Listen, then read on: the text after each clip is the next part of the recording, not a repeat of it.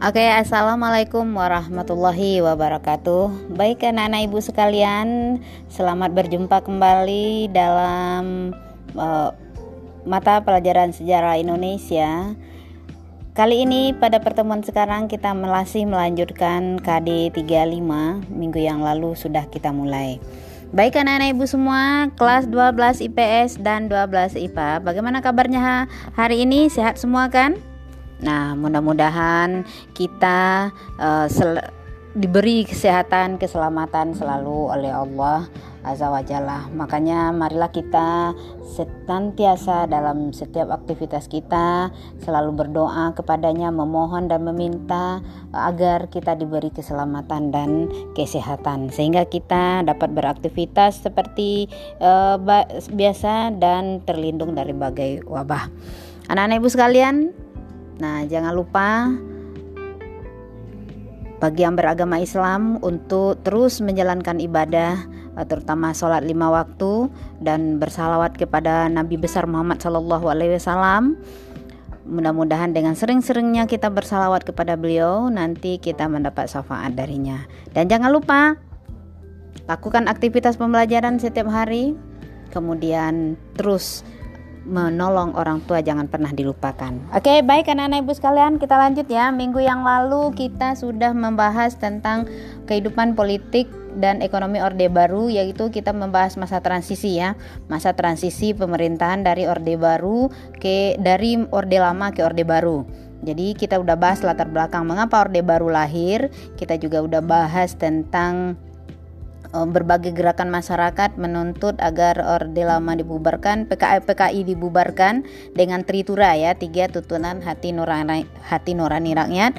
Kita juga udah bahas yang ketiga yaitu tentang Super Semar yaitu perintah dari Presiden Soeharto kepada su, presin, perintah dari Presiden Soekarno kepada Soeharto untuk uh, menjalankan aktivitas kenegaraan sementara Bapak Presiden Soekarno tetap menjadi presiden mandataris MPR. Berikutnya yang keempat kita bahas kemarin ini akibat dari Super Semar maka lahirlah dualisme kepemimpinan. Masih ingat anak-anak ibu semua dualisme kepemimpinan yaitu tentang bagaimana Presiden Soekarno masih tetap menjadi mandataris MPR sebagai kepala negara dan kepala pemerintahan tapi pelaksana pemerintahan dijalankan oleh Soeharto. Nah, sehingga dualisme kepemimpinan kita bahas terakhir kemarin mengakibatkan di dalam masyarakat terjadi gejolak. Gejolak apa? Yaitu di mana Soeharto sebagai mandatari Super Semar menginginkan agar stabilitas negara bisa dijalankan, keamanan masyarakat bisa terjamin jika tuntutan rakyat dikabulkan. Apa tuntutan rakyat dalam Tritura? Salah satunya yaitu bubarkan PKI. Tapi Bapak kata Bapak Soekarno, PKI tidak bisa dibubarkan karena akan menodai demokrasi. Nah, itulah di masyarakat gejolaknya pendukung Bapak Soeharto dengan pendukung Bapak Soekarno di mana gejolak itu berpotensi untuk terjadinya perang saudara. Oke, maka pada segmen ini pada pertemuan sekarang ini kita lanjutkan di dalam podcast Ibu ini Ibu akan sampaikan yaitu mengenai kebijakan politik Orde Baru. Nah, ketika Bapak Soeharto sudah di uh, tugaskan menjadi presiden uh, Republik Indonesia sebagai mandataris MPR dan jabatan Bapak Soekarno sudah uh, dicabut sebagai mandataris uh, uh, MPR maka Bapak Soeharto sebagai pemimpin Orde Baru membuat kebijakan politik. Nah, kebijakan politik Bapak Soeharto ada dua. Yang pertama itu kebijakan politik dalam negeri dan kebijakan politik luar negeri. Oke, apa saja yang dilakukan oleh Bapak Soeharto sebagai uh, presiden awal Orde Baru yaitu membuat kebijakan-kebijakan politik dalam negeri yang pertama kali adalah dia membentuk kabinet pembangunan yang bernama Kabinet Ampera. Nah, jadi kabinet pertama Orde Baru adalah Kabinet Ampera yang tugasnya bernama Dwi Dharma Kabinet. Dan Dwi Dharma Kabinet program Dwi Dharma Kabinet ini dikenal dengan istilah catur karya kabinet. Nah, apa saja itu? Memperbaiki kehidupan rakyat, sandang dan pangan, melaksanakan pemilu. Yang ditetapkan batasnya sampai 5 Juli 68 ya. Kemudian melaksanakan politik luar negeri bebas aktif dan melanjutkan perjuangan anti imperialis dan kolonialisme. Nah, kebijakan politik dalam negeri yang kedua yaitu membubarkan PKI. Karena dianggap PKI lah yang telah menyebabkan kondisi negara kita sangat kacau politik dan ekonomi pada masa Orde Lama, maka di awal Orde Baru diambil kebijakan oleh Bapak Soeharto yaitu pembubaran PKI dalam rangka menciptakan stabilitas pemerintahan. Yang ketiga yang dilakukannya adalah melaksanakan dui fungsi ABRI dan pengamalan P4. Nah, apa itu dui fungsi ABRI? Dui fungsi ABRI yaitu peran ganda dari ABRI. ABRI sebagai uh, eh, TNI tugasnya adalah penjaga keamanan dan pertahanan negara tapi dia dikasih lagi tugas eh, dia boleh di samping dia hankam dia juga memiliki fungsi sosial politik yaitu uh, boleh mengambil jabatan-jabatan di dalam pemerintahan. Itu dia disebut dengan dui fungsi abri. Itu abri berperan sebagai hankam dan sosial. Di mana abri memiliki seorang abri adalah uh, sebagai pertahanan keamanan negara juga sekaligus memiliki fungsi politik jadi boleh terlibat dalam kehidupan politik. Artinya apa dalam kehidupan politik di sini yaitu dia boleh uh, menjabat jabatan-jabatan seperti jabatan presiden dia boleh, MPR eh, DPR dia boleh, gubernur, bupati dia boleh. Nah, kemudian apalagi yang uh, yang masih dalam yang kedua kebijakan yang kedua ini ada itu P4. Kepanjangan dari pedoman di mana P4 ini yaitu oh, kepanjangan dari pedoman penghayatan pengamalan Pancasila. Nah, itu dia. Tugas dari pedoman penghayatan dan pengamalan Pancasila atau P4 di mana mengapa P4 ini digalakkan waktu itu oleh pemerintahan Orde Baru yaitu untuk mendukung pelaksanaan Pancasila dan Undang-Undang Dasar 1945 secara murni dan konsekuen. Karena dianggap apa? Masa sebelum Orde Baru Pancasila dan Undang-Undang Dasar 1945 dianggap tidak dijalankan secara murni dan konsekuen. Nah, untuk menciptakan stabilitas, maka pemerintah Orde Baru melaksanakan P4 yang mulai dilaksanakan itu dari pusat sampai ke daerah dalam bentuk penataran-penataran. Oke, kebijakan yang ketiga dari pemerintahan Orde Baru yaitu menyederhanakan partai politik.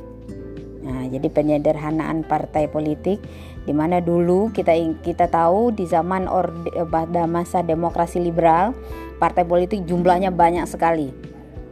Lebih dari 100 partai politik. Kemudian pada masa Orde Lama hanya partai-partai politik tertentu saja. Nah, Orde Baru membuat kebijakan penyederhanaan, yaitu hanya ada tiga kekuatan sosial politik, yaitu dasarnya dulu dasarnya apa? Apa dasar penyederhanaan politik ini? Yaitu partai politik yang banyak itu dikelompokkan mereka atau istilahnya itu digabungkan atau difusikan berdasarkan ideologinya. Nah, apa? Yang pertama yaitu P3, Partai Persatuan Pembangunan yang merupakan gabungan ideologi partai-partai Islam.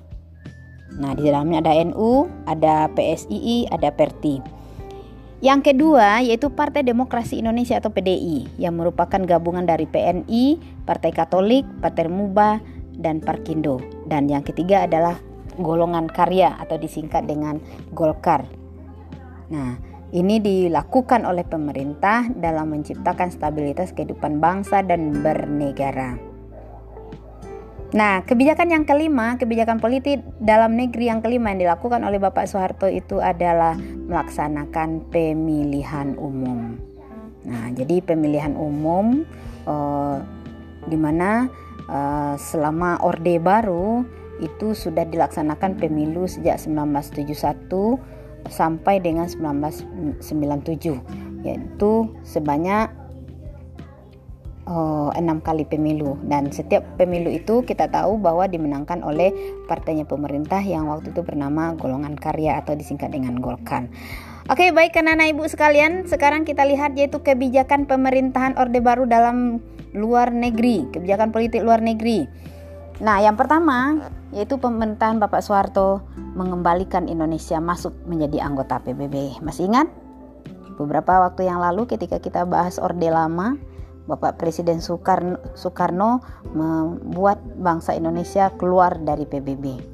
Nah, karena waktu itu uh, kita keluar dari PBB akhirnya kalau kita keluar dari PBB event-event internasional kita tidak diikut sertakan lagi nah sesuai dengan dalam rangka menciptakan stabilitas ini juga dan hubungan bertetangga dengan negara-negara lain maka pada tanggal 24 September 66 kembali kita uh, masuk menjadi anggota PBB.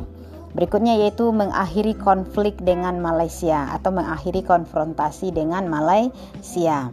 Pada masa pemerintahan Soekarno dibentuklah uh, Dwi Kora ya, dua Dwi Komando Rakyat itu untuk membantu perjuangan rakyat Kalimantan Utara uh, memerangi neokolin yang dibuat oleh Malaysia. Nah, kemudian pada masa Orde Baru Presiden Soeharto melakukan normalisasi, menormalkan kembali hubungan Indonesia dengan Malaysia, yaitu dengan menempatkan pemerintahan di perwakilan di pemerintahan masing-masing negara mulai 11 Agustus 1966. Kebijakan politik luar negeri yang ketiga yaitu sebagai negara yang berada di tengah-tengah negara uh, adik kuasa di dunia, maka Indonesia mempelopori pembentukan organisasi ASEAN yaitu negara-negara yang ada di kawasan Asia Tenggara yang awalnya didirikan oleh lima negara saja yaitu Indonesia sebagai salah satu negara yang uh, uh, mensponsori untuk berdirinya ASEAN ini. Kemudian yang ketiga, yang keempat yaitu integrasi Timur Timur ke dalam wilayah NKRI. Jadi bergabung ya, Timur Timur bergabung ke wilayah NKRI karena uh, Timur Timur itu sejak abad ke-16 itu merupakan koloni Portugis. Namun demikian jarak yang cukup dekat antara Timur Timur dengan wilayah Indonesia, kemudian ada kedekatan emosional, kan juga ada alasan politik. Akhirnya uh, kita menerima uh, Timur Timur itu bergabung dengan wilayah NKRI, yaitu pada bulan Juli 1976 uh, dia menjadi provinsi yang ke-27. Nah, jadi itulah yang dilakukan oleh Bapak Soeharto dalam bidang politik di awal Orde Baru, baik dalam politik dalam negeri yang tujuannya adalah menciptakan stabilitas dan maupun politik luar negeri. Oke anak-anak ibu sekalian, jadi dua ya pembahasan kita pada pertemuan sekarang ini. Yang pertama itu tentang kebijakan politik luar negeri dan kebijakan politik eh kebijakan politik dalam negeri dan kebijakan politik luar negeri yang dilakukan oleh eh, Bapak Soeharto di awal pemerintahan Orde Baru. Nah, di sini kita sudah lihat ya Uh, mudah-mudahan pemahaman kamu semakin bertambah dengan uh, penyampaian materi ibu lewat podcast ini. Uh, barangkali itu saja dulu yang ibu sampaikan. Nanti uh, ibu akan link nanti uh, tugas ibu akan kirim nanti tugas uh, lewat uh, link uh, Google Form. Nah, silakan nanti kerjakan tugas-tugas tersebut. Apa yang ibu sampaikan di podcast ini itulah nanti akan ibu tanyakan.